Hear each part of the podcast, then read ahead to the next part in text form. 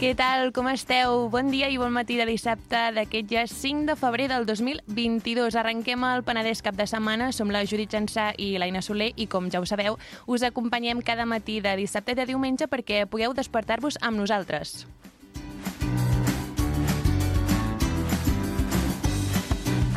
Com cada dissabte, tindrem amb nosaltres a l'Enric Vidal i el Marc Paredes amb l'entremès. Avui ens han portat un convidat que és molt bona gent. No diem res més. Rebrem també a la Maria Blanc i la Clara Sant, que, com sempre, ens faran reflexionar d'una manera divertida a la secció Desmuntant masclismes. La Bel Cruces ens recomanarà, com ja és tradició, una pel·lícula, una sèrie, una cançó a la carta. Tot seguit, el nostre psicòleg Arnau Olivella ens parlarà de recursos humans i de com fer un bon currículum a la secció Cuida't. I per acabar de rematar-ho tot, acabarem amb la tertúlia del Penedès cap de setmana, al Cafè amb Sal. Tindrem avui el Roger Font, el Pere Bolet i el Jordi Ramon. Dit això, comencem.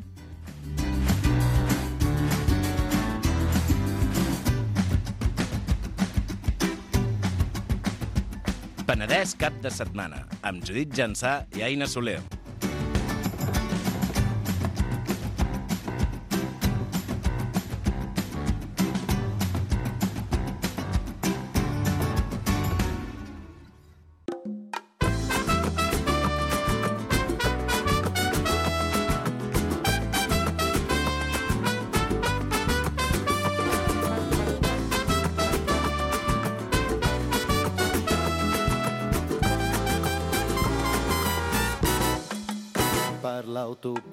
Número 7 i entrava per... Doncs comencem aquest matí, com ja us avançàvem, amb l'entremès de l'Enric Vidal i el Marc Paredes, que avui, nois, l'Aina i jo us hem de dir que estem molt emocionades pel convidat que ens porteu tot el, tot el dia que ho pensem, des de que ens hem despertat aquest matí. Què tal? Bon dia, noies. Bon dia, Judit. Bon dia, Aina.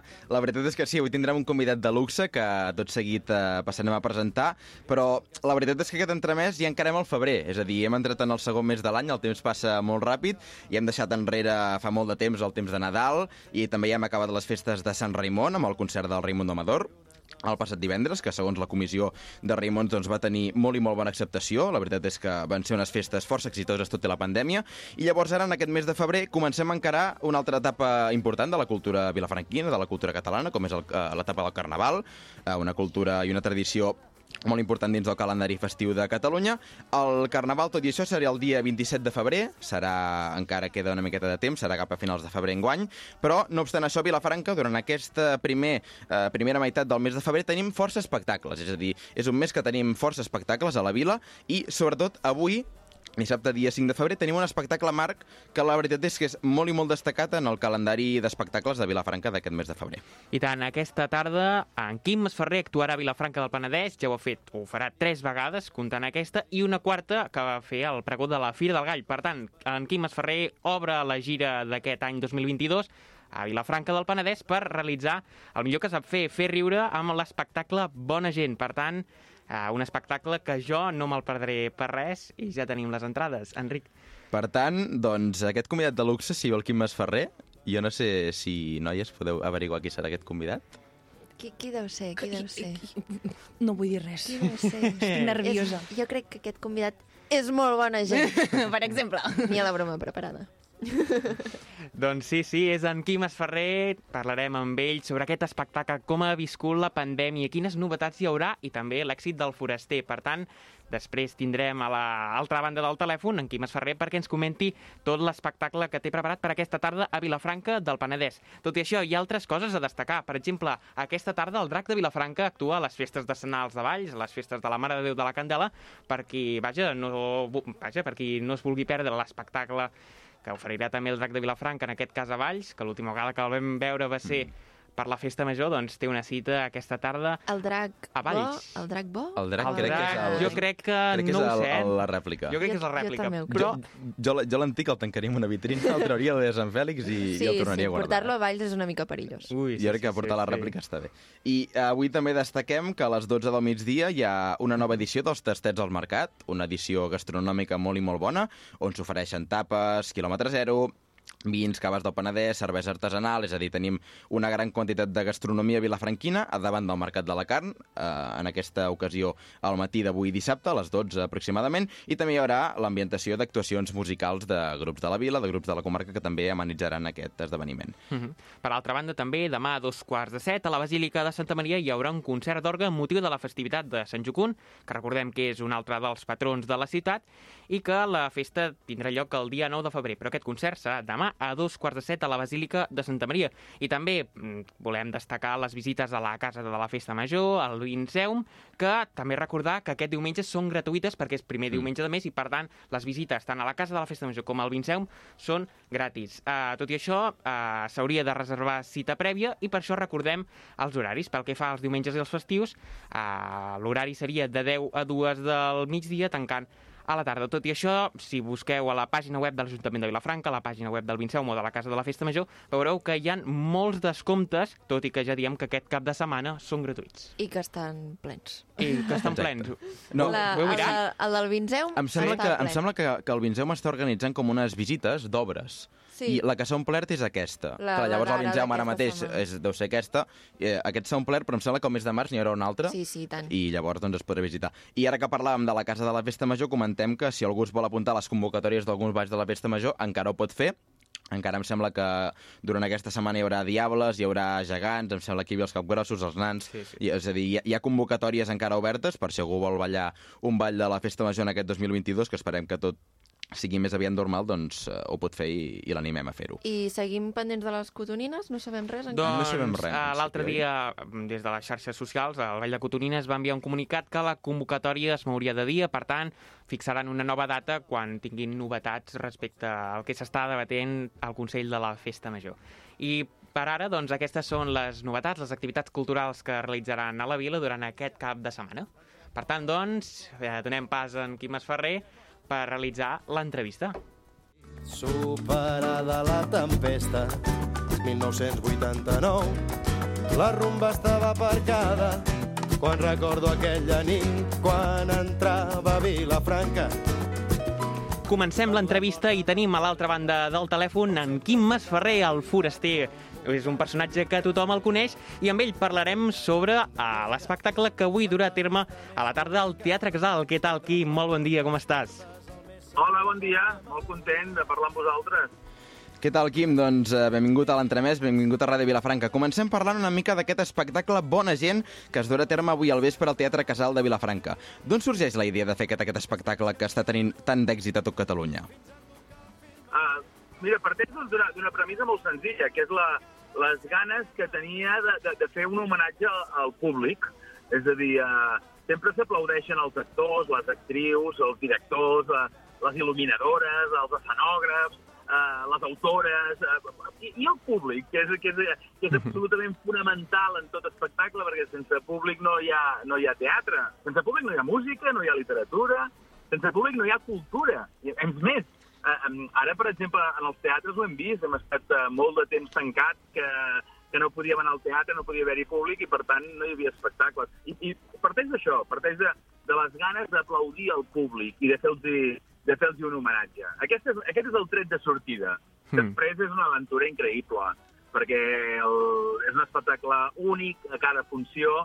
Aquí a la Franca hi he vingut una, unes quantes vegades i sempre és diferent perquè els protagonistes són els espectadors i les espectadores i, uh, i això fa que, que aquest format de, de donar veu a, a, a la gent, de donar veu al públic, fa que siguin les actuacions uh, repetibles. I, I per mi és dels espectacles més, més, uh, més especials que he fet, i em porto uns quants, eh? més especials que he fet a, a, a, la meva, a la meva carrera, fins al punt de que porto ja més de 250 actuacions, més de 150.000 espectadors, és una bogeria, és una bogeria, una, una, una, una fantàstica bogeria, el Bona Gent. I tant, i tant. Ja veiem l'èxit rotund que està tenint el Bona Gent, el foraster, vaja. Uh, un èxit i rotund, podríem dir. Uh, com has viscut la pandèmia? Perquè uh, l'oci i la cultura s'ha vist interromput durant aquests darrers anys per la pandèmia i el Bona Gent, com, com l'has viscut? Uh, bé, l'hem viscut una miqueta com, com tothom, és a dir, uh, si, si bé és cert que, que, que tothom l'ha patit molt i sobretot la gent que de manera molt directa aquesta maleïda Covid, doncs uh, els hi ha tocat, eh, els, els hi ha tocat de prop, però eh, sí que és cert que la cultura, la, la, la restauració, els serveis, l'oci nocturn, són, són gremis que, que hem patit molt. Tothom ha patit, eh? però Mm. sí que, que eh, clar, nosaltres eh, heu de pensar que eh, el nostre objectiu és posar el màxim nombre de persones en un espai tancat. És a dir, tot el que no es podia fer durant la pandèmia.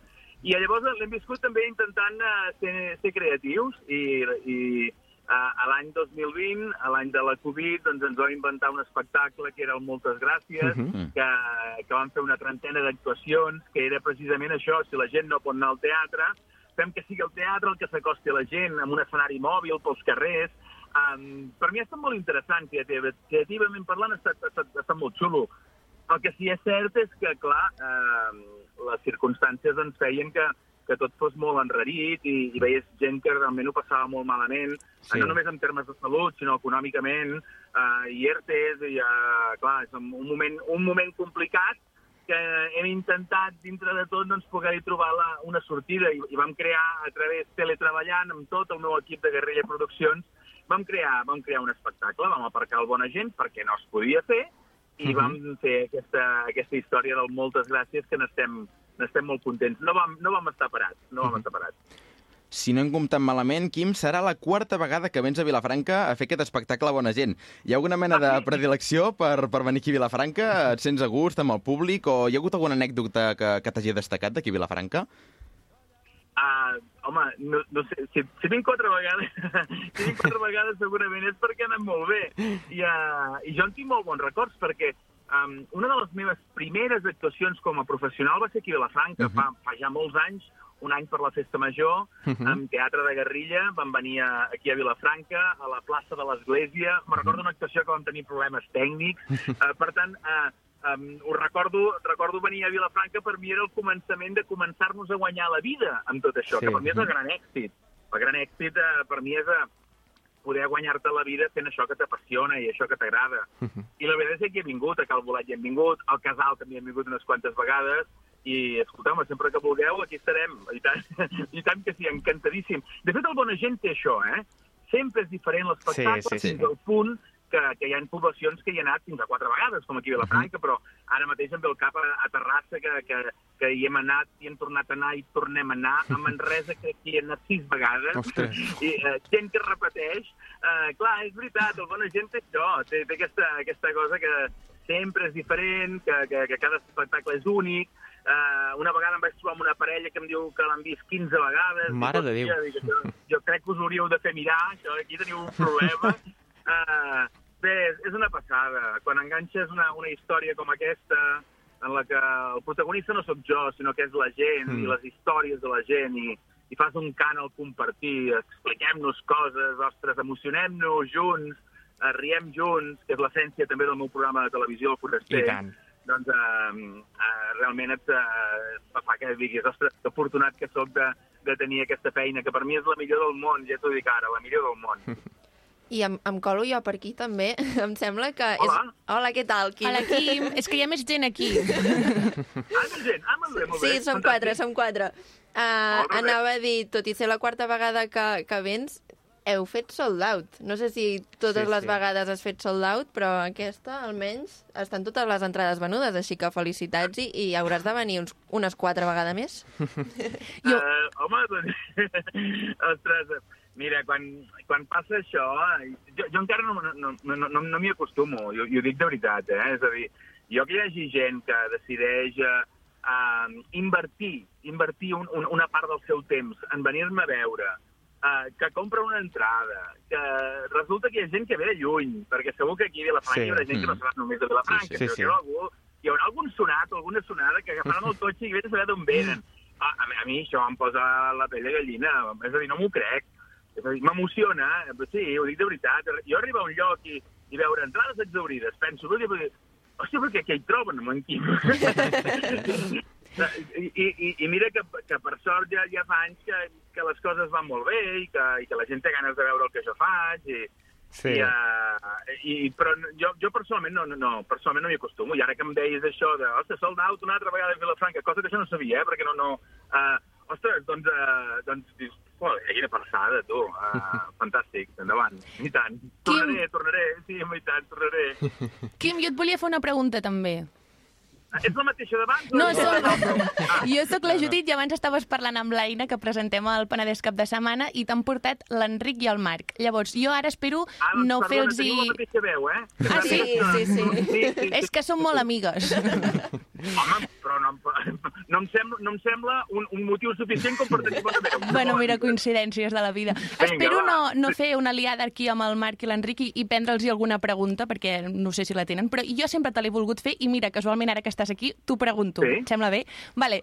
Um, el Bona Gent uh, és un espectacle que jo crec, o almenys des de fora, dona la sensació que estàs improvisant. Evidentment, les històries tu no te les portes de casa perquè no saps a qui et trobaràs. Sí. Llavors, la meva pregunta és, um, com assages uh, el fet de que et puguis trobar amb qualsevol persona i poder um, treure humor d'això, després recordar la història del principi i enllaçar-la amb algun altre, perquè jo et vaig venir a veure aquí a Vilafranca i el meu dubte em va quedar aquí i dic, mira, t'ho pregunto, això ho assages o com ho fas? Escolta'm, Judit, ara si et diu el secret de l'obra, tothom li copiarà. A veure, jo crec que el Quim és prou llest per donar-me una resposta coherent. Sí, no, no, no, no, t'explicaré, i tant que sí. Eh, No, no, no assajo, és que és impossible assajar-ho. Bé, sí, sí, sí que hi ha un assaig. Hi ha un assaig que és la pròpia vida. És a dir, eh, el, el conèixer gent mm, que jo pretenc amb aquest espectacle eh, és una cosa que a mi ja en el terreny personal m'apassiona molt. Des de sempre m'ha encantat conèixer gent i, i m'ha agradat que, que ens que explicar històries, però que també que me les expliquin, perquè jo penso que quan compartim aquesta, que aquest verb que a mi em té fascinat, que és el verb compartir, eh, hi sortim guanyant tots, tant el que explica com el que escolta. I, I, per tant, en aquest espectacle el que faig és una cosa que m'agrada molt fer. Segurament ho assajo cada dia, sí, però clar, és evident que jo no sé mai què preguntaré i per tant és impossible saber, no sé què preguntaré, què em respondran. Però m'agrada que sigui així, perquè si no sé què dir en aquell moment, en l'espectacle, ho diré. Diré, no sé què dir. Davant això que m'acabes de dir, no sé què dir, perquè m'agrada aquesta veritat. M'agrada... Jo no pretenc quedar bé, jo pretenc ser jo. I si m'equivoco, m'equivoco. I si no sé què dir, no sé què dir. Aquestes coses tan humanes que ens passen a I tots tant. i, que a vegades a dalt d'un escenari tendim a amagar-ho. I a mi no m'agrada això, m'agrada al contrari. Uh, m'agrada doncs, ensenyar-ho, m'agrada ensenyar la ridiculesa humana, i m'agrada ensenyar que en aquest moment m'he quedat en blanc i que no sé què dir, perquè aquest senyor m'ha dit o aquesta senyora m'ha dit no sé què i, i m'ha deixat a quadros, i m'agrada ensenyar això. Per tant, no es pot assajar, però sí que et puc dir que com que m'agrada tant, tant, tant parlar amb la gent i escoltar la gent, això gairebé és un assaig diari que faig des de fa molts i molts anys. I, i aquest és l'esperit de, de, del Bona Gent, eh? És a dir, jo quan el vaig presentar la proposta a, a, la, a la meva productora, la meva gent em van dir, estàs boig, estàs sonat perquè sense guió aniràs. Dic, ostres, deixeu-m'ho provar. Dic, si no funciona ja ho veurem. Mm. I si, escolta'm, si a, a la funció número 8 veiem que això no funciona perquè no hi ha guió, perquè, uh, perquè és molt complicat, doncs... Uh, però jo vull que m'ho deixeu, donem una mica de cèntims per poder-ho provar. I, uh, I mira, portem 250 actuacions, més de 150.000 espectadors, Mare i, uh, i és una aventura apassionant i, i, i- brutal. I tant. Per tant, la resposta és aquesta. No s'assa- no s'assaja perquè és que ho assajo cada dia. Si no anem errats, Quim, uh, Vilafranca del Penedès és la primera població d'aquesta nova gira de, del Bona Gent. Uh, per la gent que no ha pogut uh, accedir o comprar entrades per vaja, aquesta funció de Vilafranca, o per exemple amb uns pares que estan confinats i demà no et podran, Pobres. no et podran anar a veure, Oh. teníem les entrades. Jo sí, eh? de moment sóc negatiu i que per tant doncs, et vindrem a veure uh, jo i els meus amics uh, aquesta Sí. nit. Uh, Vilafranca del Penedès és la primera població d'aquesta nova temporada i quines altres poblacions de, també actuaràs? Ai, ara aquí és quan m'enganxes, eh? Aquí, perquè jo soc dels que vaig setmana a setmana i, uh, no, a veure, a Vilafranca del Penedès arrenquem, arrenquem uh Mhm. -huh. a, a aquest uh, 2022 amb aquesta gira de, de uh, que seguir, que continuem amb el Bona Gent. El diumenge uh, soc a Calafell, Uh -huh. Després eh, me'n vaig a Sant Gregori. Uh, ah, mira, tres dates que poden interessar, que són el mes de març, crec que és el 4, l'11, i no sé si és el següent. Uh, aquí masferrer.cat, eh? però ens anem al Teatre uh -huh. Victòria, a Barcelona, ho dic perquè és un, allà al Paral·lel, uh Uh -huh. és un lloc que, que potser molta gent hi pot anar-hi, però després ens anem a Sabadell, uh, tornem a Terrassa, uh, uf, Manresa, no ho sé, és que... quimmasferrer.cat ha el calendari de- d'aquestes actuacions, i Sí, els seus sí. pares diguem que tranquils, que tranquils, que un cop, un cop surtin del confinament, doncs eh, uh, que tant de bo puguem, puguem organitzar-ho perquè ens puguin venir a veure. I si no, I viuen tant. lluny del teatre, els teus pares? No, no, no, no. No, doncs mira, després de la funció que surtin un moment per la finestra que els hi faré un trosset a baix del carrer. Molt bé. Doncs, mira, ara, just ara estava veient també altres poblacions, Esparreguera, Badalona, Tortosa, Sabadell, Barcelona... Això no això no apuntades perquè me les preguntes malament. És que, clar, m'has fet malament i resulta que el tio m'ha apuntat. No, no, no, ho acabo de buscar just ara al mòbil, per la gent que, vaja, que no, que no ho sabia, però bé. Enric, si tens alguna Sí, pregunta... uh, bé, Quim, anem acabant aquesta, aquesta entrevista. Més que res, uh, hi ha alguna cosa que vulguis destacar d'aquesta nova temporada del Bona Gent? Hi haurà alguna introducció nova o seguirà amb el mateix model que, que les anteriors temporades? Ah, l'essència és la mateixa, perquè no la vull tocar gens ni Mhm, mica, uh, però sí que és cert que sempre l'espectacle té una introducció en la qual jo explico coses que m'han passat amb el públic, perquè recordem que estem fent un homenatge al públic, que aquesta és l'essència i l'objectiu uh, uh, principal de- de- d'aquest espectacle, aplaudir al públic. Doncs uh, he canviat una miqueta cosetes de guió, que jo vaig fent sempre, eh? I després eh, sí que hi ha hagut un pas més, sobretot amb el tema tècnic, que és molt important en aquest espectacle. I els meus companys de, de, de l'equip tècnic de, de, de la meva companyia, de Guerrilla, eh, doncs han fet eh, una feina extraordinària, que, que a nivell tècnic d'il·luminació, de projecció, i, eh, i eh, aquesta serà la- la- la- l'arrencada, és a dir, serà el tret de sortida de, de tota aquesta proposta, que és la mateixa, però sí que és una versió, una versió millorada. Ara que es porta això, la versió millorada, és a dir, hem actualitzat l'aplicació. S'ha actualitzat una miqueta és el que hem fet. eh, Celebrant també això, eh? celebrant també els, les 250 actuacions i, i superar els 150.000 espectadors. Doncs moltes gràcies, Quim. Ens veiem aquesta tarda al Teatre Casal a dos quarts de nou del vespre, si no vaig errat, i que acabis de gaudir, vaja, del dia i ens veiem a Vilafranca del Penedès. Quim, moltes gràcies. Gràcies, Quim. Bon Gràcies, dia. Quim. Gràcies a tots i a totes. Ganes de tornar a Vilafranca!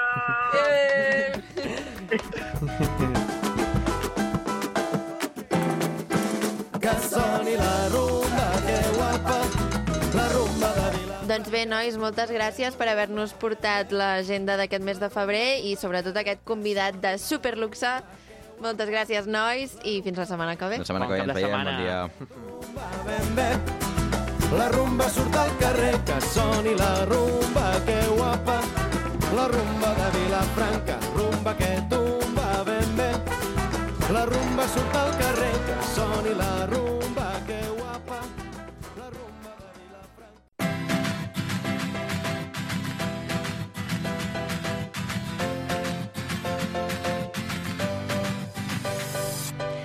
Després de l'entremès seguim encara amb més cultura aquí a la cartellera, que com ja sabeu, us fem un repàs de la programació d'aquesta setmana i la que ve al Teatre Casal, Cal Bolet i l'Auditori Municipal.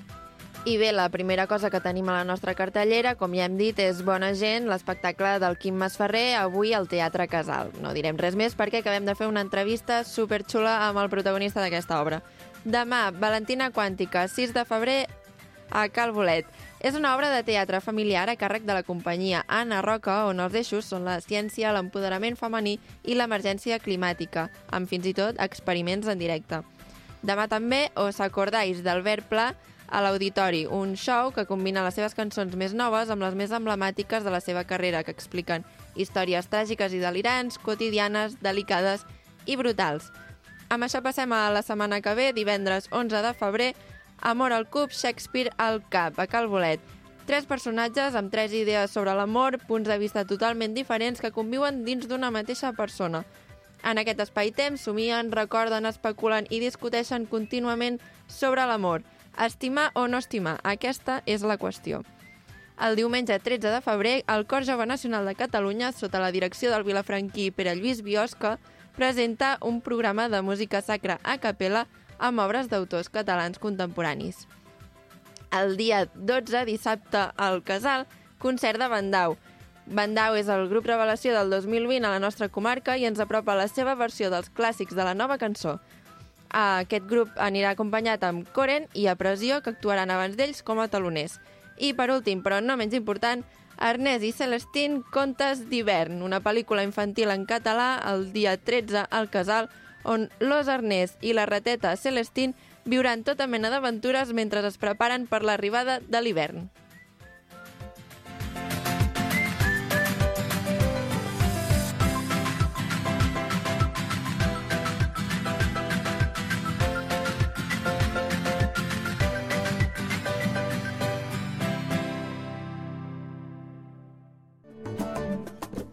Quédate en la piel que te te abrace la manera de vivirte sin corsé. Vamos a romper todo lo sé, que más que este cuerpo mi frontera, cantando él no pasará.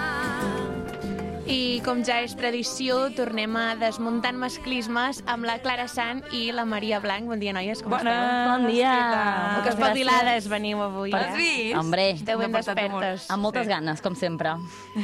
Què, què ens porteu avui? Què heu preparat? A veure, avui jo vinc a fer de boomer, vale? perquè avui Yeah, sé, yeah, yeah. jo estic ja rozando los 30, però avui sembla una, una adolescent que no madura. I avui us venim a parlar de TikTok. Correcte. Jo he de dir que jo no en tinc. Bueno, no he tingut ni he deixat de tenir, vull dir que la Boomer en sap més que jo ara mateix. Vale, vale, I aquí ara això seré està molt bé. una experta Sí. influencer. doncs TikTok us pot semblar una xarxa social pues, de mm, típic noies que només fan que ballar, no? I de típiques receptes de cuina que intentes fer a casa i després Les no et surt. bàsiques. Vale? Però no, TikTok és molt més que això. Tic- Jo estic enamorada de TikTok. Jo també estic enamorada Vale, de TikTok. vale. M'encanta TikTok. Estic una mica addicta a TikTok, he de dir, tinc un problema, i és que cada dia m'estic una estona llarga, no vull dir les hores que m'hi passo, però... No només quan cagues. Exacte, exacte. Perquè ens entenguem, no? És preocupant. Però és que a TikTok és molt més que això, perquè a TikTok hi ha molt activisme polític, molta consciència social, molta visibilitat de col·lectius oprimits, molta emprenedoria, molta, molt d'humor, molta música, molta dansa, molta salut mental, i no és com una, un cultiu allà, una, boll, una olla que bull de constant creació de...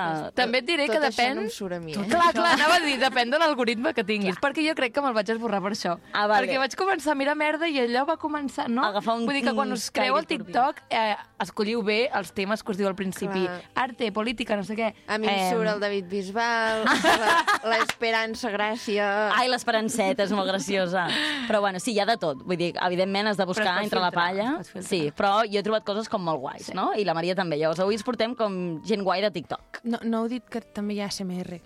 Ah! En podem parlar, que aquí en podem fer És que jo de vegades aquí faig coses amb el... M'encanta. A veure, la explica què és la, la CMR per, per qui no ho conegui. Vale, um, l'SMR en si no sé què volen dir les sigles. No. De fet, ho podria buscar. Asynchronous, si no sé què, Mechanic Response Motoric, Ostres. algo així. És Ningú del... s'esperava que la Clara sabés què vol dir SMR. És que ho vaig buscar perquè mm, a mi em genera tant de plaer al cervell que volia entendre per què era això. I és com que se t'activa una part neuronal de plaer en sentir uns sorolls molt concrets, com repetitius i suaus i... Sí. Tic, tic, tic, tic, tic. I... El typing, no? Que fan Sí, exacte. Bueno, I llavors hi ha gent que es dedica a estar hores i hores creant contingut de mm, fer susurros a un micròfon que després quan ho escoltes, ja sigui amb cascos o amb qualsevol altaveu, et dona un plaer meravellós al cap. Doncs pues no sé. Estava intentant aquí amb l'ordenador trobar què volen dir les sigles ASMR, però només diu que és un hormigueo en la piel. Vale. Clara, No, potser no, tot com no posem un terme de química, Mira, tio. eh, A veure si al final molècules. del programa desvelarem Ho aniré buscant, ho aniré- ASMR, sí, ho aniré vale? buscant. Vale, Però, seguim. Vinga, de mentres, eh, mentre no sabem què vol dir ASMR, um, us volem parlar de TikTok, perquè això, doncs, hem trobat com gent molt guai de TikTok. A més a més, eh, he trobat almenys la meva experiència, és que ASMR... Ai, ASMR, ja no sé què dic. Que el TikTok eh, està fet com de manera molt accessible per persones sordes, perquè és molt fàcil posar els subtítols al- contingut que es crea a TikTok.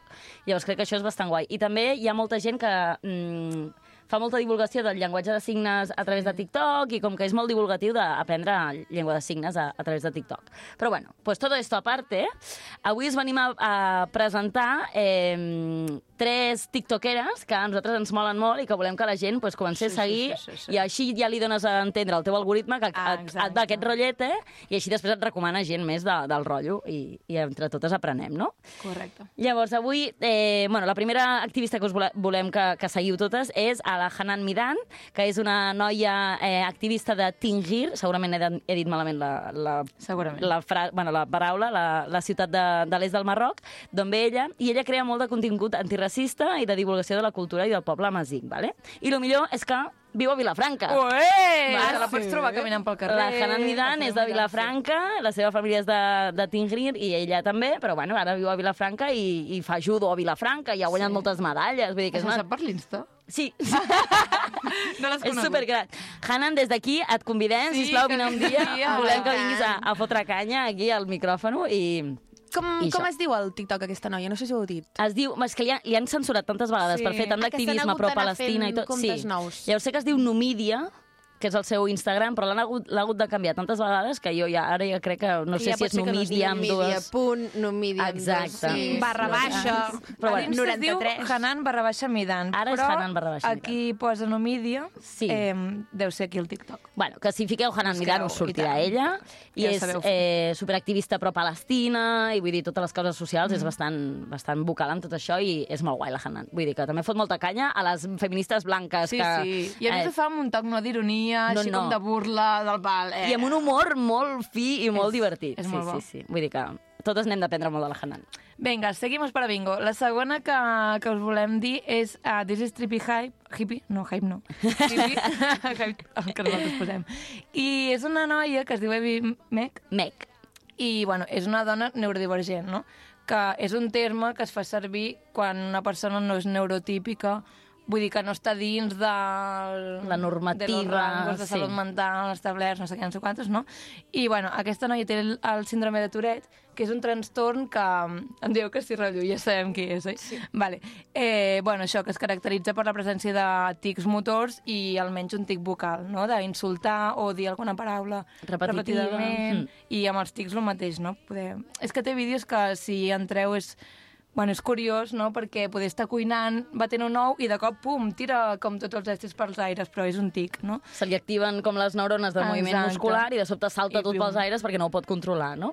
I llavors pues, ensenya com la seva vida quotidiana a través d'això. A més, també és uh, esportista, no és atleta. Sí. Bueno, atleta és, eh, fa gimnàstica artística i és una passada, vull dir que a part d'ensenyar aquesta part de la seva vida, pues, també n'ensenya d'altres superxules. Jo aquesta noia, la, no sé si la tinc o, per a ti o, o, o sigui, Et- no et- surt constantment, sí, eh? Però Sí. el que em sembla superinteressant perquè els seguidors que té no fan burla del, No, del seu... Bueno, Mhm. d'això.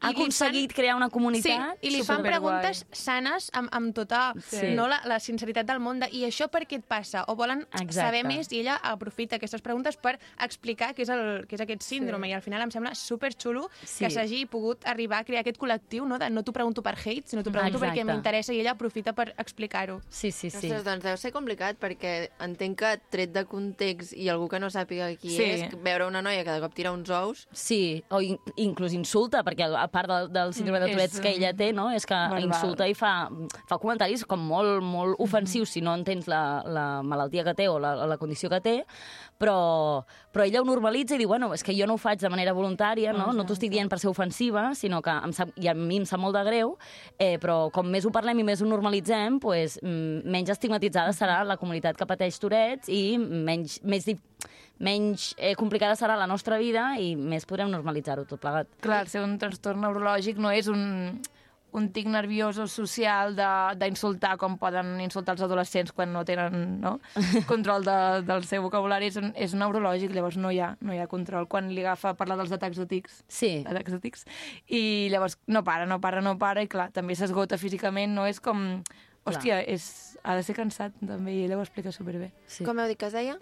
This trippy hippie. Yes. I té un llibre també molt xulo que es diu Non-Identical, ressaltant com el tic, no? De, ah, la broma. Ah, sí. I que també està molt bé, vale? I si entreu allà ho té tot explicat, té una web, amb botiga i tot Sí, plegat. és molt guai, és molt guai.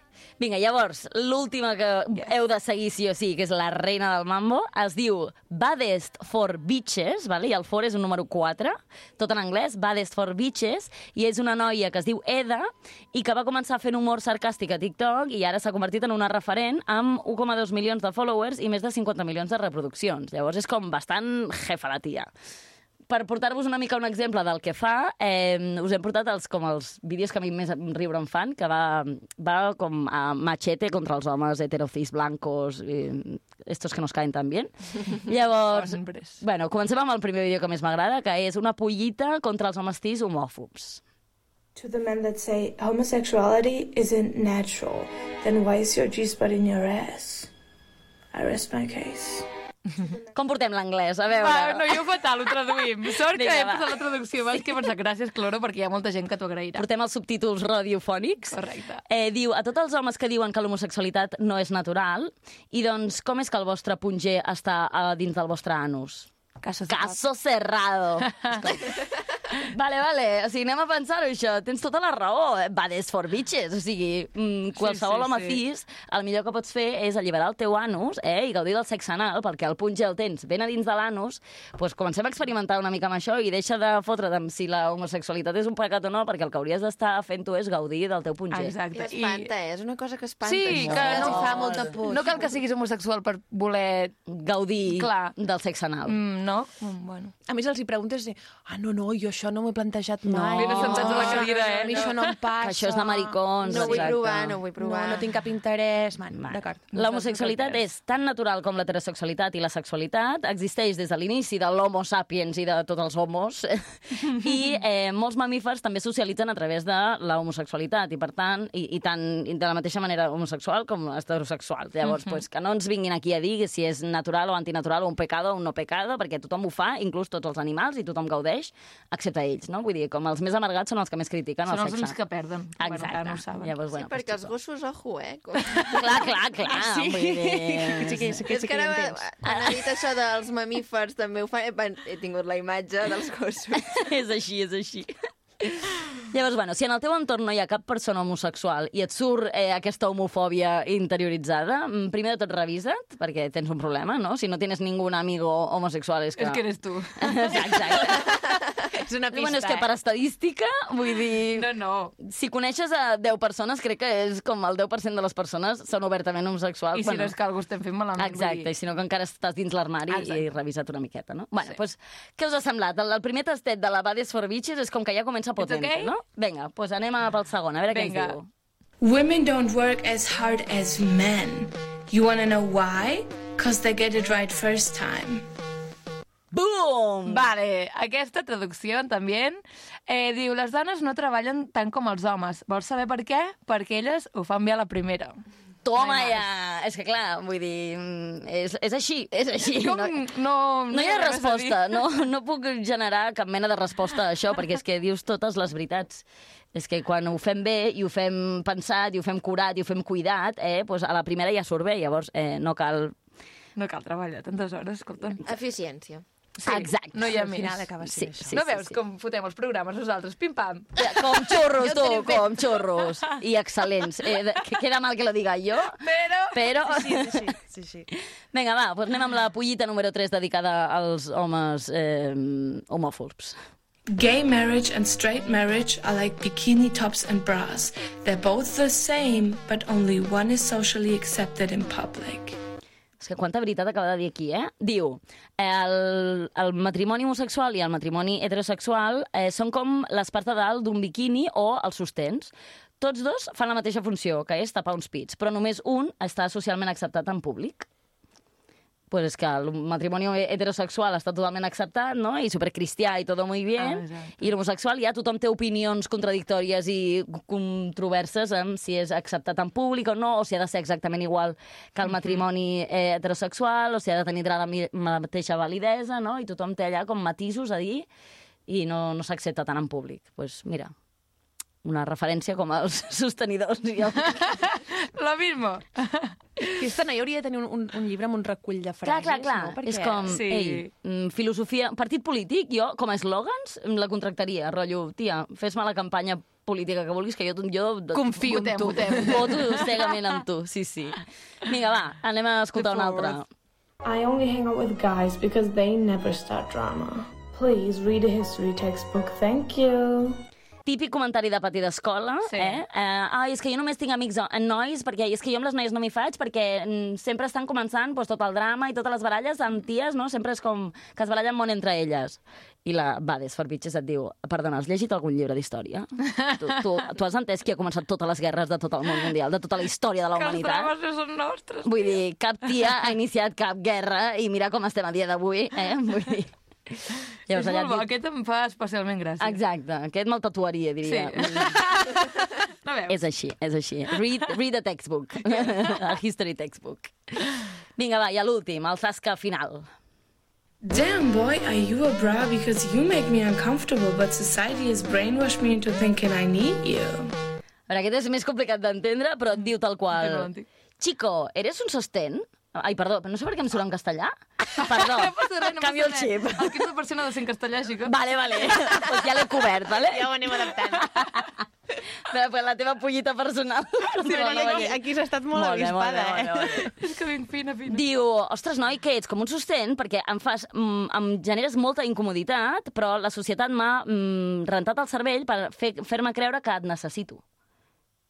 És que és tal qual. És com un sostén real. Realment, És els homes és són així. com sostens. perquè, no?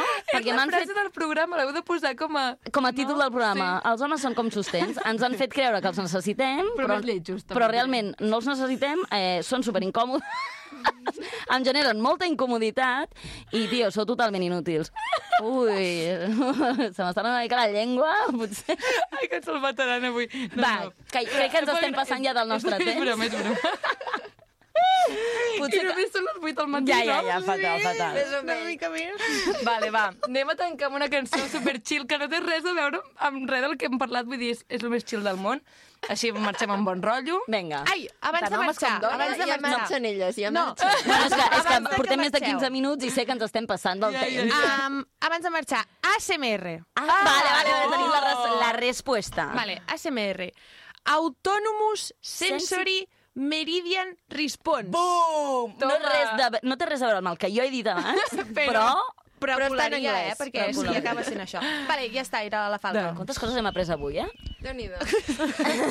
La Maria està intentant fer ASMR. Quina cançó ens portes per tancar, Maria? Sí, eh, no me'n recordo com es diu, però... Estupendo. El Joan Ai, no la ho sé, posa. sí, però és del TikTok i tothom la balla, així que la podem ballar. Vinga, va. marxar.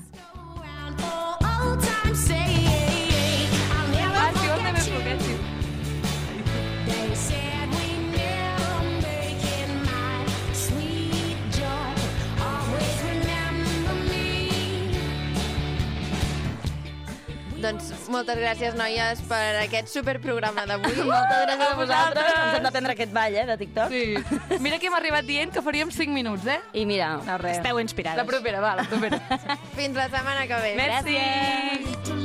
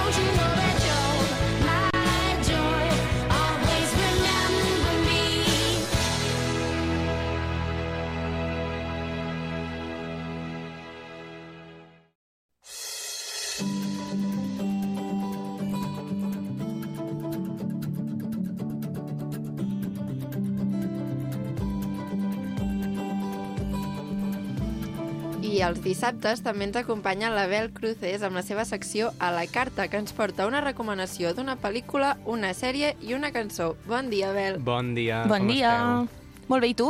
Jo enfadat, Enfadat. Ostres, comencem bé. Jo, jo crec que ja sé per on vas. Sí. però bueno, ja traurem el tema més endavant. Vale. D'acord. M'agradaria començar per una pel·lícula i eh, en aquest cas la pel·lícula es diu Delicioso. Delicioso. Delicioso, Delicatessen. Havia entès delicioso. Dic, la tele deliciosa. És una pel·lícula que actualment la podem trobar al cinema. Es va estrenar el 5 de gener als cinemes de tota, bueno, d'aquí Catalunya i d'Espanya. Llavors, eh, no sé si li deu quedar molt o no. Llavors, jo aprofitaria per veure-la aquests dies, perquè abans de que la tinguin a la cartellera. Llavors, aquesta pel·lícula va sobre uh, un xef Un xef. uh que treballa per al seu cap, que és un duc de la cort francesa, vale? ens ubiquem uh, abans de la Revolució Francesa, el 1789, Uh -huh. i uh, ell doncs, decideix crear un restaurant. Vale? Hi havia restaurants a aquella època? Uh, D'això va la pel·lícula. Ah. És molt interessant perquè en aquesta pel·lícula podem veure com uh, ell vol innovar, vale? ell li diu, el, seu, el duc li diu ha de fer això, això, això, això, sense cap innovació, perquè nosaltres som els rics, nosaltres som els que paguem, per tant tu has de fer el que jo digui. I ell es cansa.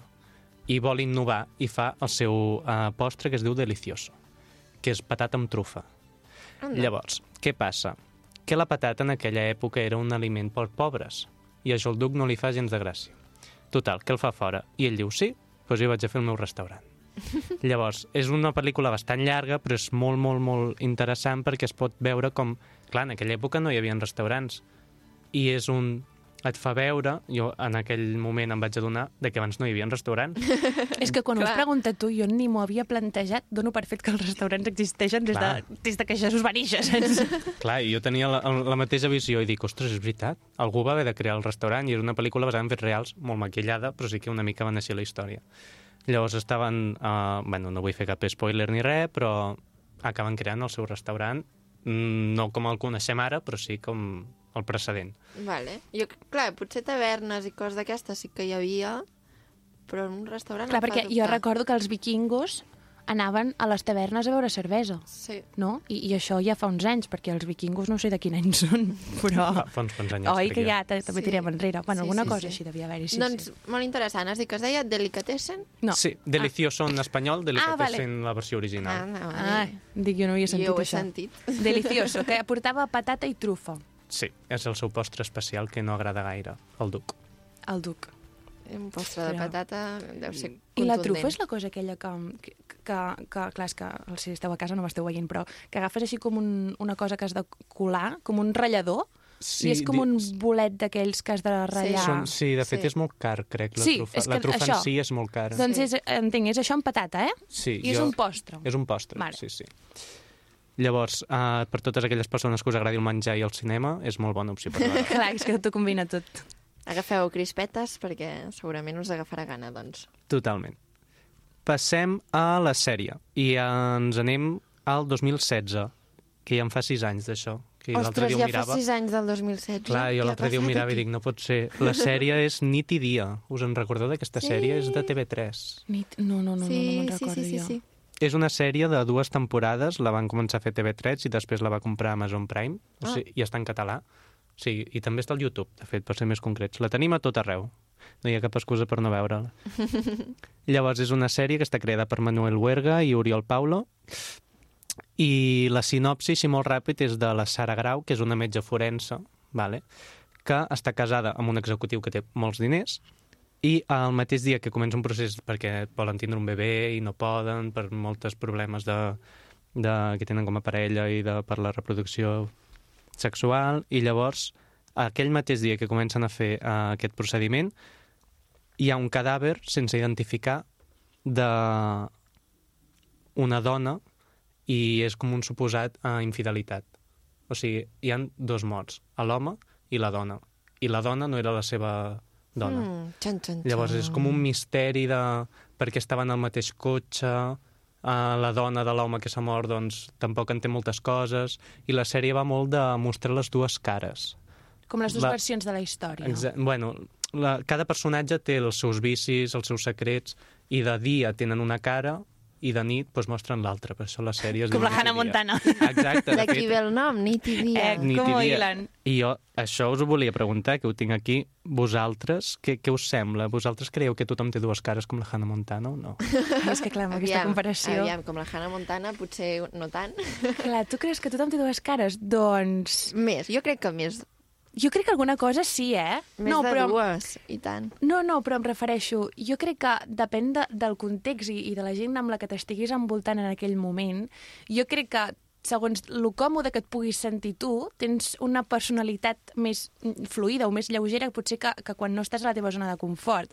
Llavors, jo que si te'n vas al bar a fer birres amb els teus amics, jo crec que en aquell moment ets 100% tu perquè estàs a la teva zona de confort i, i t'envoltes d'aquelles persones que ja coneixes i per tant no has de trencar cap mena de, de mur.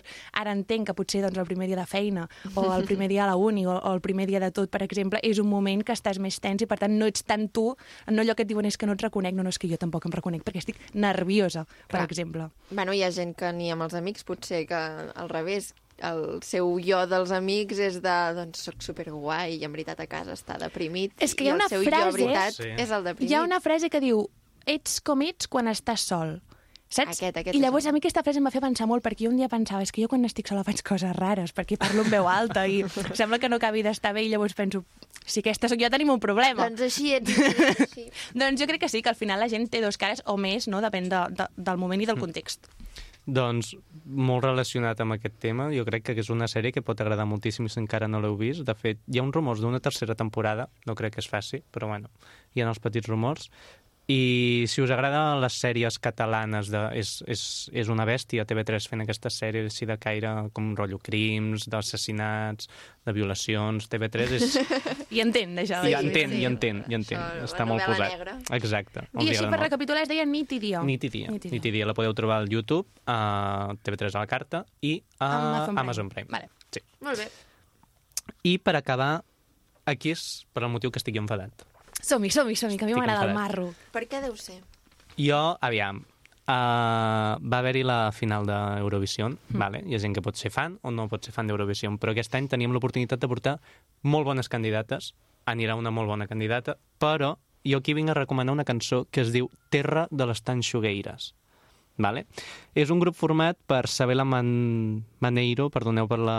no sé... El gallec, el gallec, no el la. Olaia i l'Aida, direm els noms, així abreviem.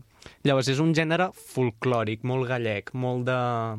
Aquí estem nosaltres, eh, la cançó va sobre que no trencar barreres lingüístiques, que Espanya no és Espanya, vull dir que Espanya també és part de moltes comunitats autònomes, fer una mica de cultura, vale? i trencar amb aquestes fronteres lingüístiques que ens podem trobar moltes vegades aquí. Llavors, eh, el públic estava boig perquè aquesta fos la representació d'Espanya de, d'Espanya a Eurovisió, entre ella i la Rigoberta. Llavors, què passa? Bueno, la Rigoberta ja en parlant del programa Sí. primer. Un, una gran... Sí, era una Un gran... xàfec, una Exacte. gran pèrdua.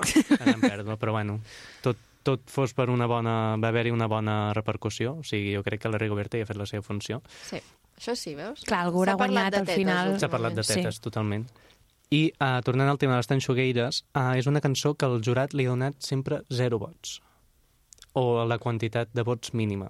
Sí, està parlant de que no hi ha fronteres, de que hem d'estar tots amb tots, tots units. Al públic això li agrada molt i vota molt, i al jurat, que és el professional, li dona zero vots. I aquí és la meva polèmica. Vull dir, per què estàs parlant... Clar, aquesta dir, congruència, clar. no? com pot ser. I per què? O sigui, estan donant una imatge que no els hi toca a, a Eurovision. Jo crec que era un molt bon any per portar alguna així diferent. I són dues, tres uh, noies que fan servir el llenguatge inclusiu, tenen uns, uns pensaments ideals, vull dir, era molt bon Bo, doncs any. potser és per això, saps? Perquè de vegades no Sí, interessa jo- que, que aquí siguem panyita, jo tan crec que sí que... inclusius. Jo crec que la Exacte. cosa va per aquí. Jo Encara aquestes no les enrere. veia guanyadores, ja. No, no sé què m'ho feia pensar. Ai, mira, Encara no tenia sabies, l'espineta. no? I bàsicament vinc a, a portar aquesta cançó aquí, perquè jo crec que és un, un gran tamacle, encara que no l'entengui tot, que m'he pogut de- hagut de posar la, la traducció per entendre Clar, perquè està en gallec. està en gallec. Està en gallec, però el millor de tot és que diu no hi ha fronteres en català, en asturià, en gallec en, i en alguns llenguatges més així, d'aquí, dialectes d'aquí. Vamos, que si vols ho entens. Si vols ho entens, no és cap problema això. Doncs, a veure què ens sembla aquesta cançó. No entenc ara. Ens la posaràs, oi, ara, Abel, aquesta cançó? Ara mateix no la Doncs eh, ens, de, ens acomiadem d'avui de l'Abel amb aquesta cançó i a veure si els de casa, a veure si us inspira una mica i també fer una miqueta de debat a casa. Sí, busqueu mentre l'escolteu el traductor la traducció del gallec. I bona sort. I ànims. Moltes gràcies, Abel. A vosaltres.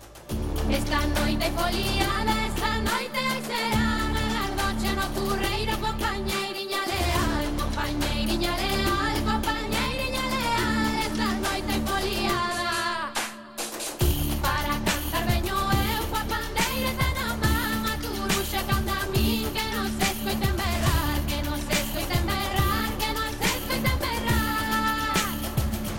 pandiri tanal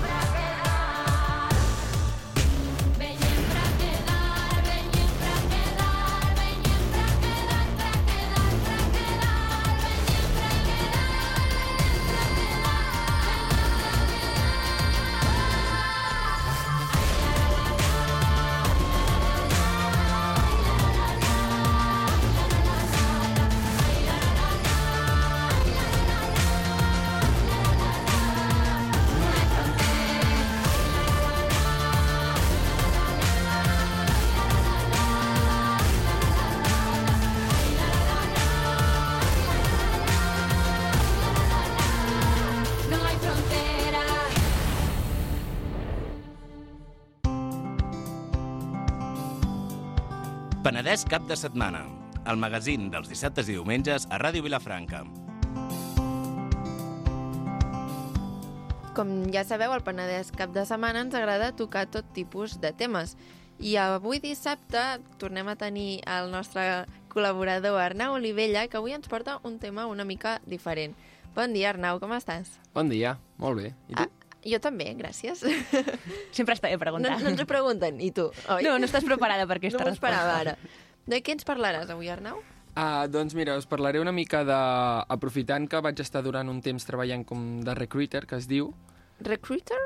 Sí, és que molt a ficar el nom en anglès sembla més professional. Què vol dir això? Uh, és la persona encarregada del seguiment en un procés de selecció per un, una vacant en una feina i es dedica a buscar persones durant tot aquest seguiment per a veure qui és la, el perfil perfecte per al lloc de treball que es necessita.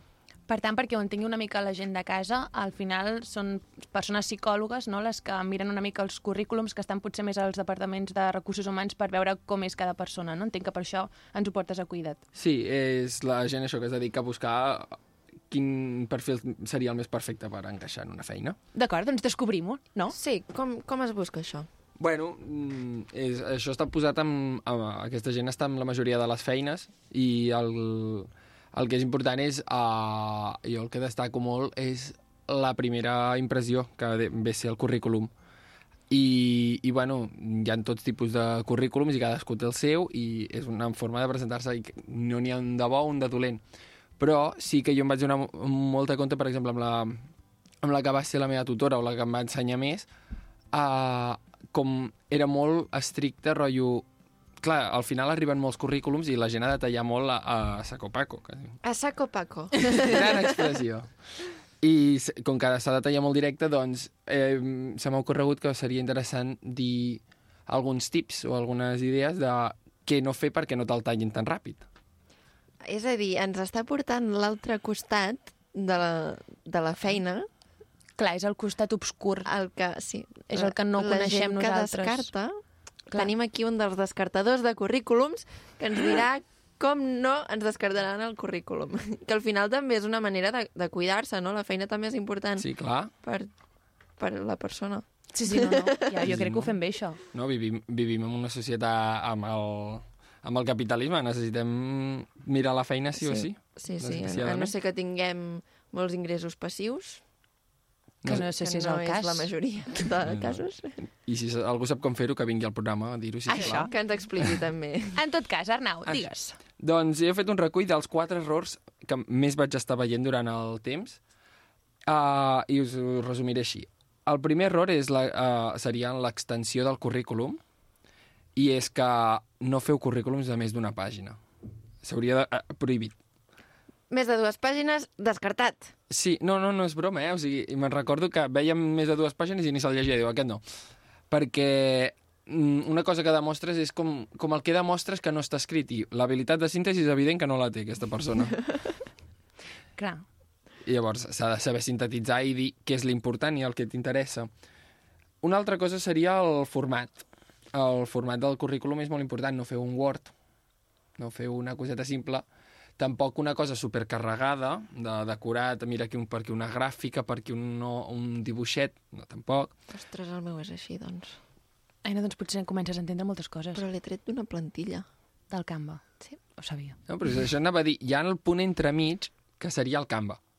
El Canva, de fet, anava, era, quasi anava a recomanar-ho. Jo també el tinc del Canva.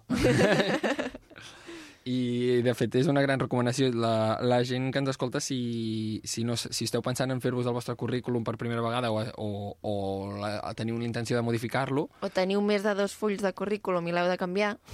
el Canva eh, està molt bé, no ens patrocina, però està molt bé. Et permet ficar-ho en dos columnes, que així és com enganyar i fer dos pàgines amb una. Està molt bé. Canva. aquí un consell. C-A-N-B baixa A. Sí, posa aquí l'ordinador que és un software i un sitio web de herramientas de diseño gráfico. Sí. És a dir, bàsicament és, és com, com si fos un Photoshop a lo simple, perquè al final acaba sent una mica això, que et dona plantilles, no?, de poder fer currículums i invitacions al teu aniversari, aquestes coses. De tot. L'altra cosa seria la fotografia. Oh, això és molt difícil. Clar, és que la foto és molt important, La eh? foto és el tema, és el tema, el punt clau. Per començar, jo el que no sabia, el que vaig descobrir, és que la fotografia no està ben vista a tot arreu ficar fotografia al currículum. És veritat, jo sé que ho sabia. Hi ha gent que no posa la foto. Sí, però és que és una cosa cultural. Per exemple, uh, fora de Catalunya, fora d'Espanya i, on, i dels països sud-americans, uh, aquests països està ben vist, lo de la foto, uh, als països nòrdics o, o per l'Àsia està molt mal vist que hi hagi una fotografia al currículum i és perquè creuen que perd la formalitat o perd dona un toc massa informal i perd credibilitat la persona al posar la foto. Bueno, clar, de, depèn de com sortís a la foto, per credibilitat a Àsia Ah, bueno, sí. o a on Això sigui, però... No, i de fet això també ho anava a dir de...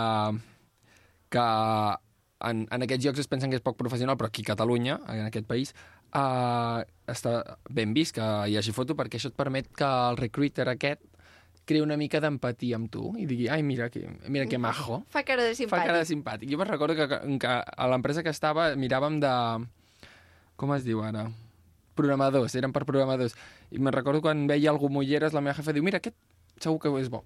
I dic, a veure, no és broma. Jo recordo, no sé en quin moment de la meva vida, que em van explicar, o no sé com va anar la cosa, de que no s'havia de posar el gènere que eres, perquè no, o sigui, per no fer una tria ja de bones a primeres que acabi sent, per exemple, el perfil d'un- d'una persona masculina.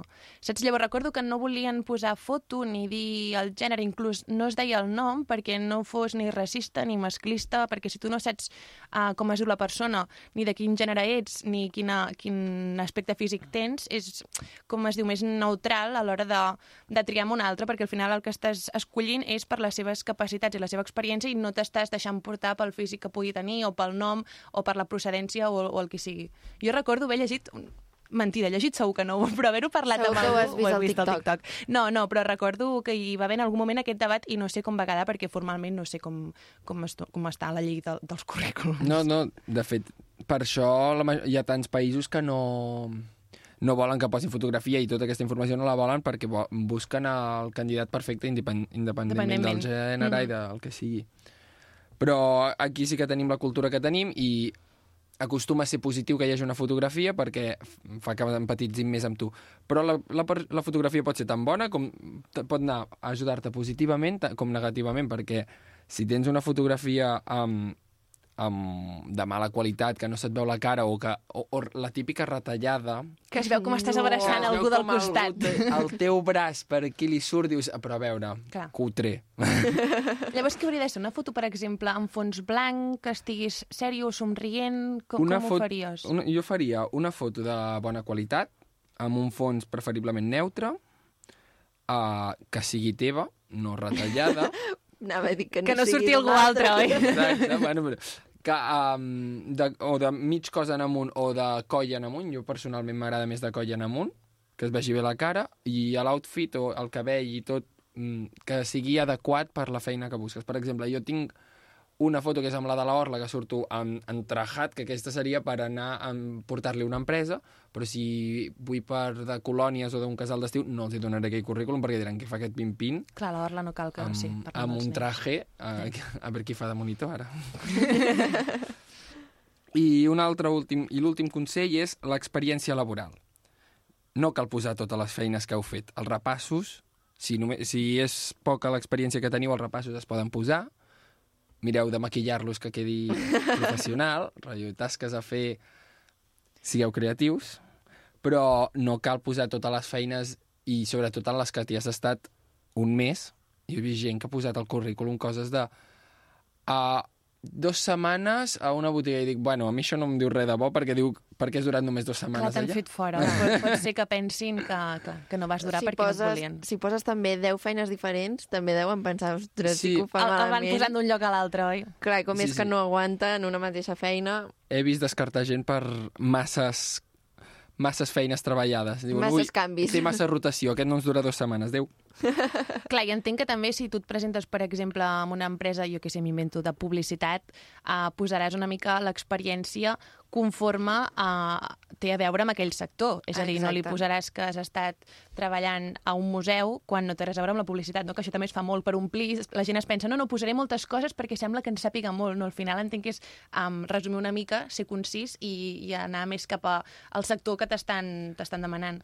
Totalment. I si no tens gaire experiència, venta tu com a persona i no venguis experiència que no et serveix de res. I, i això jo conclouria amb tot el que seria important a tenir en un currículum. Bé. Per Molt bé, tant, doncs. així una mica per resumir, seria posar, si poses foto, posar una foto prou decent, uh, no ocupar més d'una pàgina, perquè si pots sintetitzar, doncs també diu molt de tu, i, bueno, ser una mica natural, no? Al final, no enganyar, no manipular i posar coses que tinguin sentit. Al final seria una miqueta això. i fer servir Canva. I fer servir el camp, això sí, sí que ho hem dit al principi. Important. Molt bé, doncs, Arnau, gràcies per portar-nos tots aquests tips, aquests consells de... de re- com era allò? Recruiter. Recruiter. I a la gent de casa, doncs ja sabeu, agafeu llibreta boli i el següent currículum ja sabeu com s'ha de fer. Gràcies, Arnau. Gràcies a vosaltres.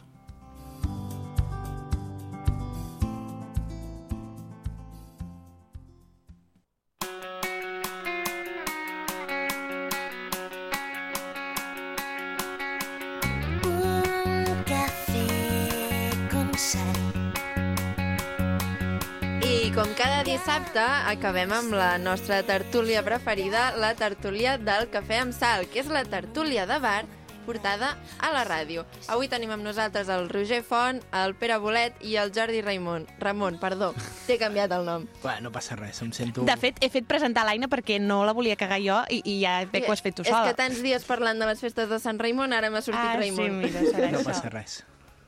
Bé, rectificat No, ràpid. és de, és de savis fer això. Com esteu? Bé, molt bé. Ens agrada els dissabtes. I si veniu encara més, oi? Sí. Menos mal. Es fa el dia més maco.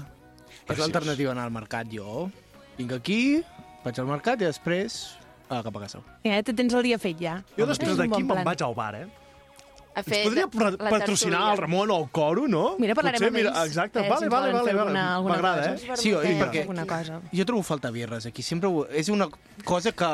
O sigui, hi ha problemes, però...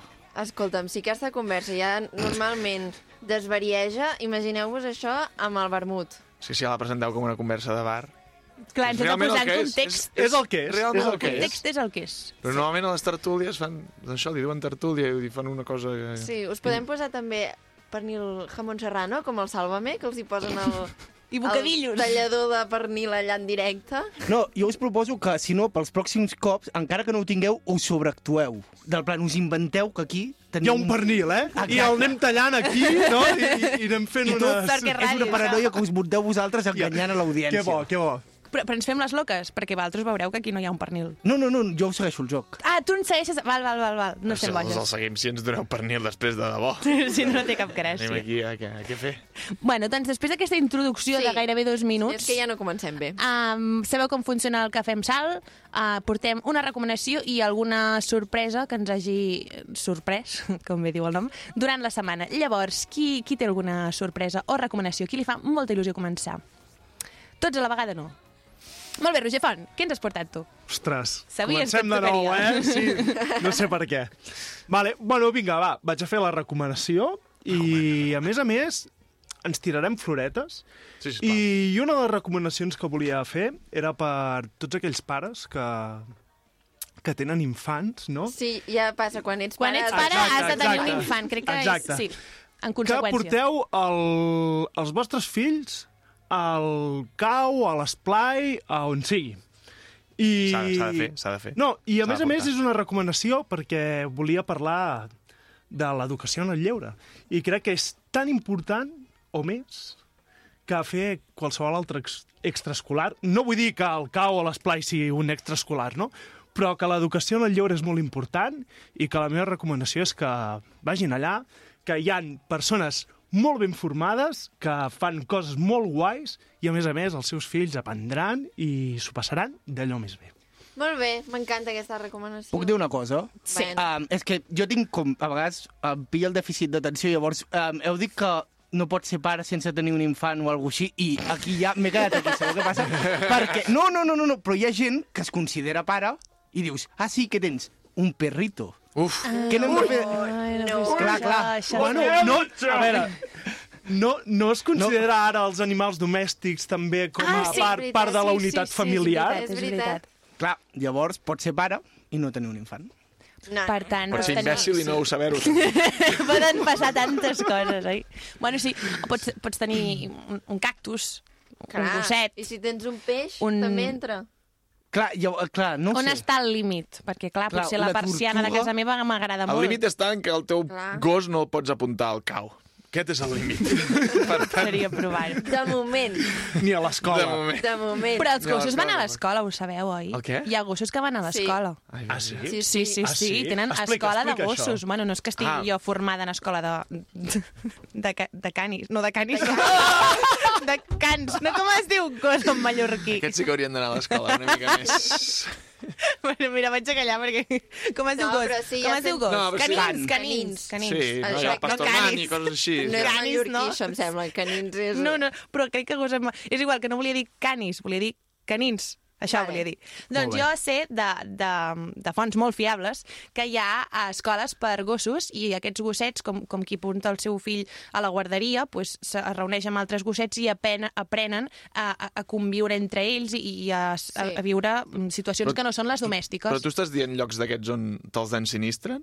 Sí, són centres educatius, em sembla. I el, tu vas al matí, el deixes allà... Sí, com tu i te'l al col·le. tornen Llavors, el reculls i dius, avui he après mates. Sí, llavors el, el gos que et fa les integrals. Ja, exacte. El tornen educadet. Igual que també hi ha hotels de gossos, de que jo me'n vaig de vacances, no puc prendre el gos, doncs l'enxufo allà i au. I és que això és molt interessant, eh? Això, això és, És- molt és- interessant. això, Això, això dona per en realitat parlar és de una moltes bona idea coses. de- no, no. de negoci. Clar, si no... A mi m'interessa això dels gossos, perquè això no us, eh, vosaltres no ho sabeu, clar, no em coneixeu quasi. Uh, dijous passat em va mossegar un gos. Què dius? Sí, anava corrent. Com estàs? Bé, és que, o sigui, queda molt guapo, eh? I anava corrent i em va assaltar un can salvaje, però era de la mida d'un chihuahua. Però, però llavors no corres gaire, tu, no? O, o, o... No. Anava fent marxa, anava fent marxa. Venia de cara, venia de cara. Una cosa, tu no t'has trobat amb un gos perseguit de 250 km per hora. Jo anava més ràpid que un Airbus, eh? I, i, i com, és que fa, com va ser la cosa? Tu anaves corrent perquè feies tard a algun lloc? No, ah, no, no, no havia sortit a córrer pel Ah, camp. corres de normal. Sí. On Vale. va passar? On va passar? Pel camp. No, però explica la zona per on corres. Per Santa Fe. Ah, vale, vale. Per no anar-hi. Clar, per no anar a Ah, córrer sí. allà. Vale. Bueno, I total. va aparèixer un gos. Sí, sí, sí, però donava que se li havien escapat i no sé què, i em va mossegar, no passa res. Però és que això dels gossos... Després vaig anar a parlar amb l'amo, estava vacunant, no sé què, i ja està. Tu, Vale. estàs vacunat de... de... No, No, no ell està vacunat.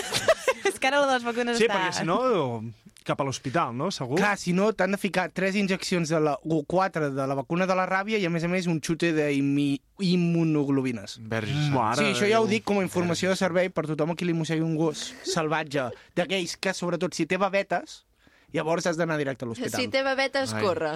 Perquè si té Sí, babetes vol la dir que... ràbia. Si té babetes, té la ràbia i llavors et mors. Ostres. Jo- Et pots morts. morir de ràbia o només pot morir Sí, de que ràbia? 99% Sí, segur. sí, sí, sí, sí. Ostres. 99%, eh? Sí, es mor molt tothom. Hòstia. Flip. Déu-n'hi-do. Mira, Bueno. Divertit, Però eh? saps que les mossegades de persona es veu que són molt pitjors que les de gos? Ah, sí? En plan, si, si tu vas a l'hospital amb una mossegada de persona, et, et, estan més preocupats, perquè es veu que nosaltres som més, tenim la boca més bruta. Ah, Sí, sí. Però Això m'ho va dir una metgessa, eh? Escolta'm, sí que mossega la gent.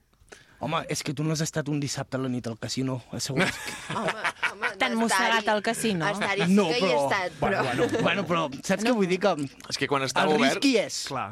El risc hi és, i Aquest- aquests últims I mesos... les mandíbules no paren allà, tampoc. No, no, exacte. Això- Què no ha passat allà al casino ja? Bueno, està que era obert? una festa temàtica de vampirs i ho deixarem aquí. Tot això venia de la Sí, sí. recomanació del lleure que ens feia el Roger Font. Sí, com hem Molt acabat important. aquí. Mira, una cosa que va portant a que l'altra. s'ha de fer, perquè I- haurien d'anar, els nens i les nenes, 5 dies a l'esplai o al cau i a l'escola els dissabtes Tres a la tarda. Sí, ja, ja pinta bé, eh? Jo voldria anar a fer mates a les 4 de la tarda, sí.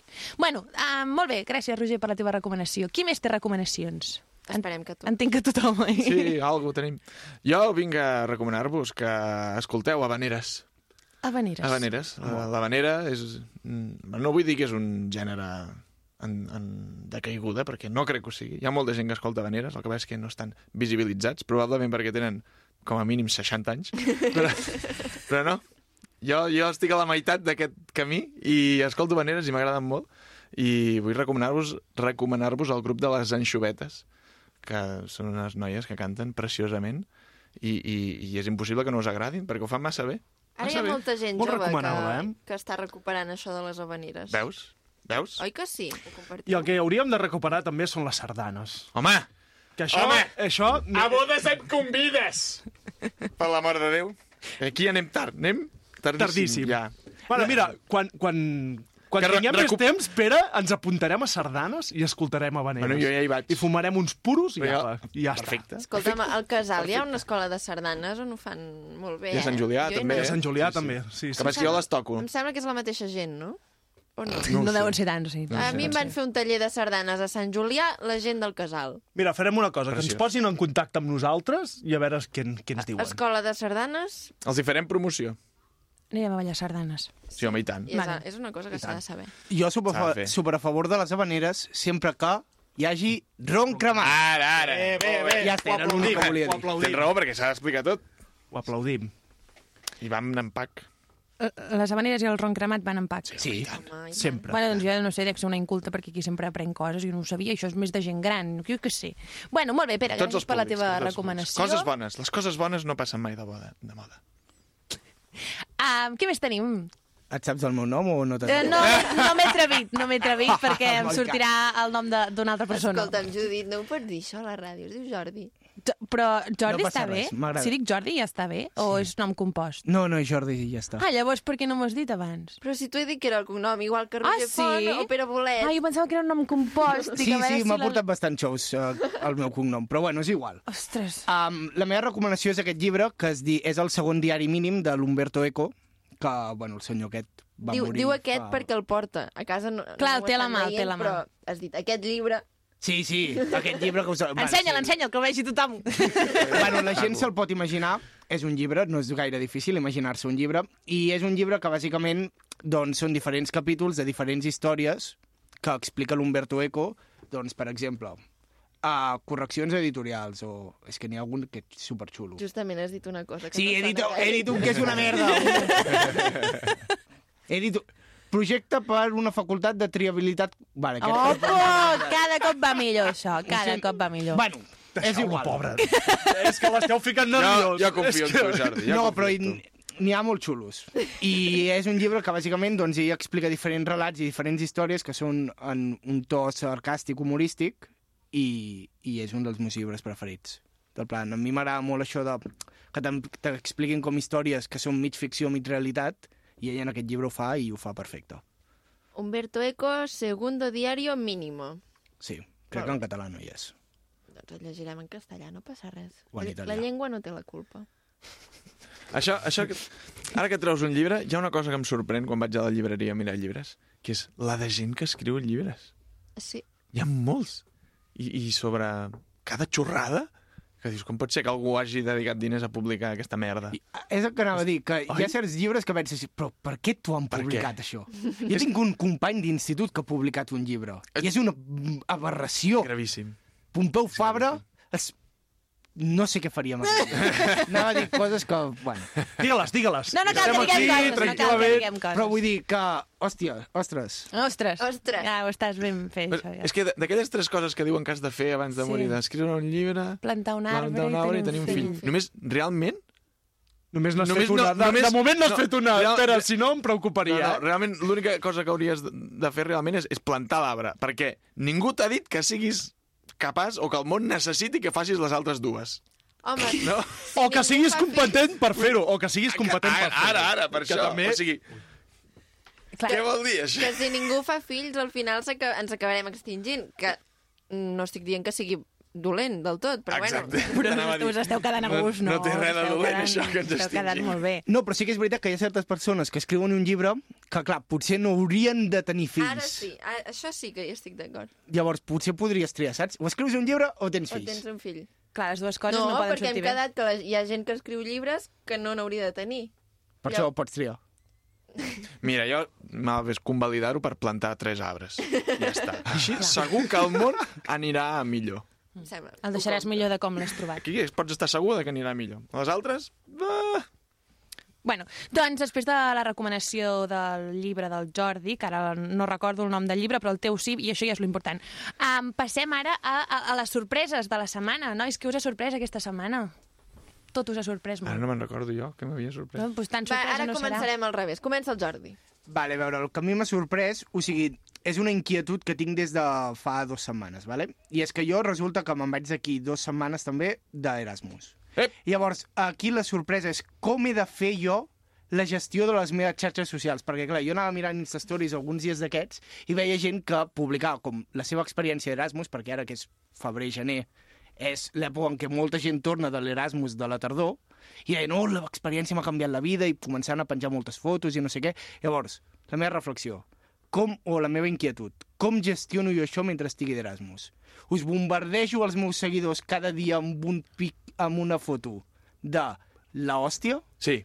Sí. Sí. Per favor, això són les xarxes Sí, socials. sí, sí, sí, sí. O perquè O quina era sigui- l'altra opció? Acumular-ho tot pel final? O sudar de les xarxes No, home, no. No, home, no, mai. Sobretot, compartir. Sí, sí, sobretot comparteixo tot. I fer enveja. Tot. I fer Demostra a les teves amistats cada dia que la teva vida és millor que la seva, sobretot. Exacte. Clar, al final aquest és l'objectiu de les xarxes socials, fer Clar. veure que la Sí, teva sí. vida és meravellosa i que la dels altres, bueno, després tu mires a casa i dius, pues mira, jo estic al sofà mirant com tu estàs a les Maldives. Això és el que fot, has de fer-ho. I fins i tot, clar, llavors aquí la inquietud continua mentre jo estigui un dia estirat al meu llit d'allà a l'habitació que estic subjugant a, a, on vaig d'Erasmus. Sí, sí, sí, sí, sí. També penjo una foto Sí. del terrat. Sí, no, sí. del terrat no. D'un altre dia que t'hagis fet la superfoto del mil i aquell dia fas veure que Sí, estàs sí, fent sí, allò. sí, Clar, perquè no Clar, pots clar. mostrar que estàs avorrit a casa Exacte. pensant en oi, com trobo a faltar que em facin el sopar. Això no ho pots dir. Clar, no puc penjar els pitjors moments, com el No. d'anar llançar la brossa. Clar, no. no, no, no, No, no, no, rentar els no, plats no, no, cada no, no, no, dia... Però és que pensa que si no ho fas, la gent no es creurà que ets feliç. Perquè els diràs, no, sí, molt bé, estic molt content i tal, i, i, i pensaran, aquest no penja res. Matxaca l'autor Està amargat allà, s'ha Audiència equivocat. l'has de matxacar. S'ha equivocat. D'acord, No, sou els meus senseis. Sí, sí, Gràcies sí. pels vostres On vas, on consells. vas d'Erasmus? A Suïssa. Ui! Home, Ah, a home. més, a més, a més. Home. I molt de formatge, doncs, molt de Saps formatge, esquiar. Quan estigui dormint Vi, sota un pont perquè no m'he pogut, pogut pagar l'habitació. Sí, ah, quan, quan agafis febre pel fred que fa, això tampoc. Vale. Estupendo. Bueno, doncs mira, ja li hem solucionat una mica la vida al Jordi, no? Molt bé, doncs ja tens els mesos arreglats i entretingut que estaràs, eh? Una mica. Passem a la següent.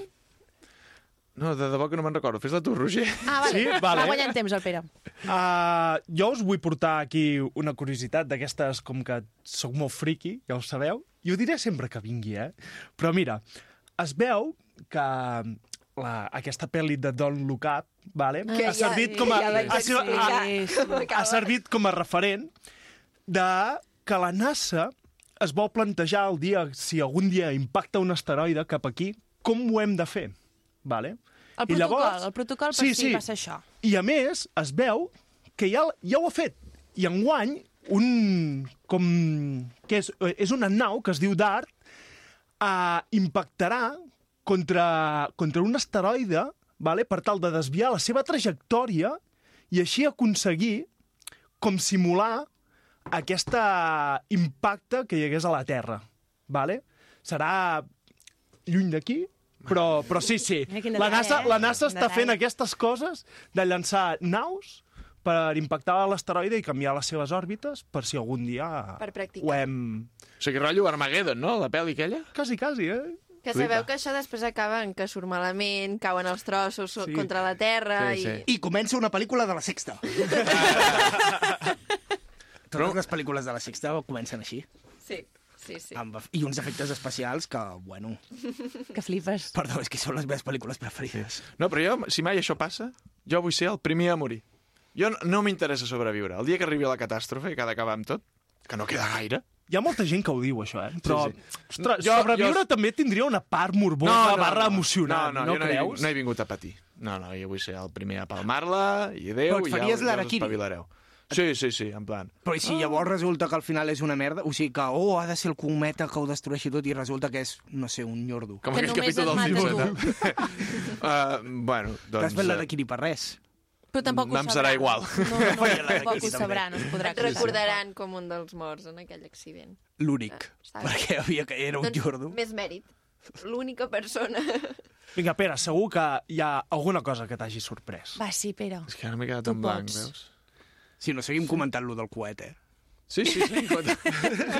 Convalida, en realitat, convalida. però ja he dit una de les coses que em sorprèn, que era quan tu has parlat del llibre. Què et que em sorprèn que vaig a la llibreria i la de, la de llibres de merda que hi ha. Però vaja, ara no tornem a parlar d'això. No, cop. bueno, doncs li marquem al Pere com que ha fet els deures, Sí, sí, no? sí. Posem un tic, Pere, no et preocupis. Perquè si... A quins creus que és el pitjor llibre que et podries... No sé, et podria preguntar quin és el pitjor que t'has trobat. Però... O quin és el pitjor que creus que et podries trobar? Què està dient? Ara el Roger m'ha xiu-xiuejat una cosa que no, no ve al cas. Bueno, sí, jo tampoc pitjor entenc. llibre... Està rient molt. Per, per què no ho dius per tothom? Sí. No, no, no. Com el profe, eh? Alumne que està rient, vine aquí a compartir-ho. Mira, Que tots volem jo hi va, riure. jo hi va, hi va haver un dia que vaig començar a llegir un llibre de Harry Potter, no sé quin era, un de tants que han sortit, i vaig dir, ja no m'agrada. Estava a la pàgina 50 i vaig dir, això és una merda. Fora. I ho vaig tirar i ho vaig deixar. Uau, l'acabes de liar moltíssim. sí, sí. Sí, sí. Bueno, Molt bé. ah, clar. Sí, fe... no, em va No, passar no, una cosa, em va passar una cosa com els fans de Harry Potter no acostuma a passar, que és que vaig créixer i vaig madurar. Bueno, és que al final hi ha estils per tot, eh? I, i és, que és, tot, és que és molt normal. Si no t'agrada una cosa, no t'agrada. A mi no m'agrada Mercè Rodoreta. I em Ui. sap greu. I em sap greu. Els seus llibres, doncs pues no Bueno, m'agraden. hi ha una cosa que és que no t'agradi o no t'agradi una cosa, però l'altra és tenir criteri. Exacte. Però, per exemple, vosaltres us llegiríeu un llibre que es titulés, per exemple, Teo va a la manifestació de l'11 de setembre? Home, i tant. Em faria gràcia, aquest. Em sembla Tal com morbós. l'has dit. Sí, sí. Mentre No? hi hagi la poli, A mi el teu que està no pagant allà No, i no, l'està no. estomacant. Però no és, manifesta és manifestació 11 de setembre que Teo s'agafa de la mà. Les del lliri. Canta cançons. Ah, vale, vale, vale, vale. La, com es deia D'aquests de allò? via catalana, no? La via- Clar, D'aquests clar, que ens clar. havíem d'agafar les manetes, no? Pa- I clar, travessar que tot això ho paga. Oh. Preciós, preciós. Preciós. Doncs bé, amb aquesta imatge tan preciosa ens quedarem avui. O no. Moltes gràcies per haver vingut a la millor tertúlia de Ràdio Vilafranca i ens veiem, Un contenidor cremant és més maco. ens veiem en breus.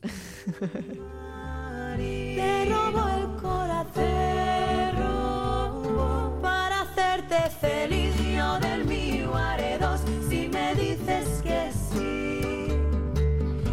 En un verde palmar, entre rosas y flores, otra vez mi canción brindaré, cual un himno al amor.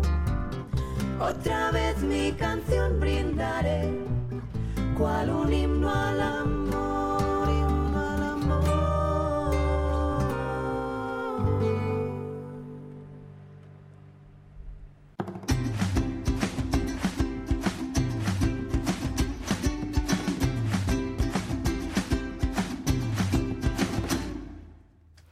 I ens acomiadem ja del programa d'avui dissabte. Nosaltres, com sempre, tornem demà diumenge a les 8 del matí aquí al Penedès Cap de Setmana.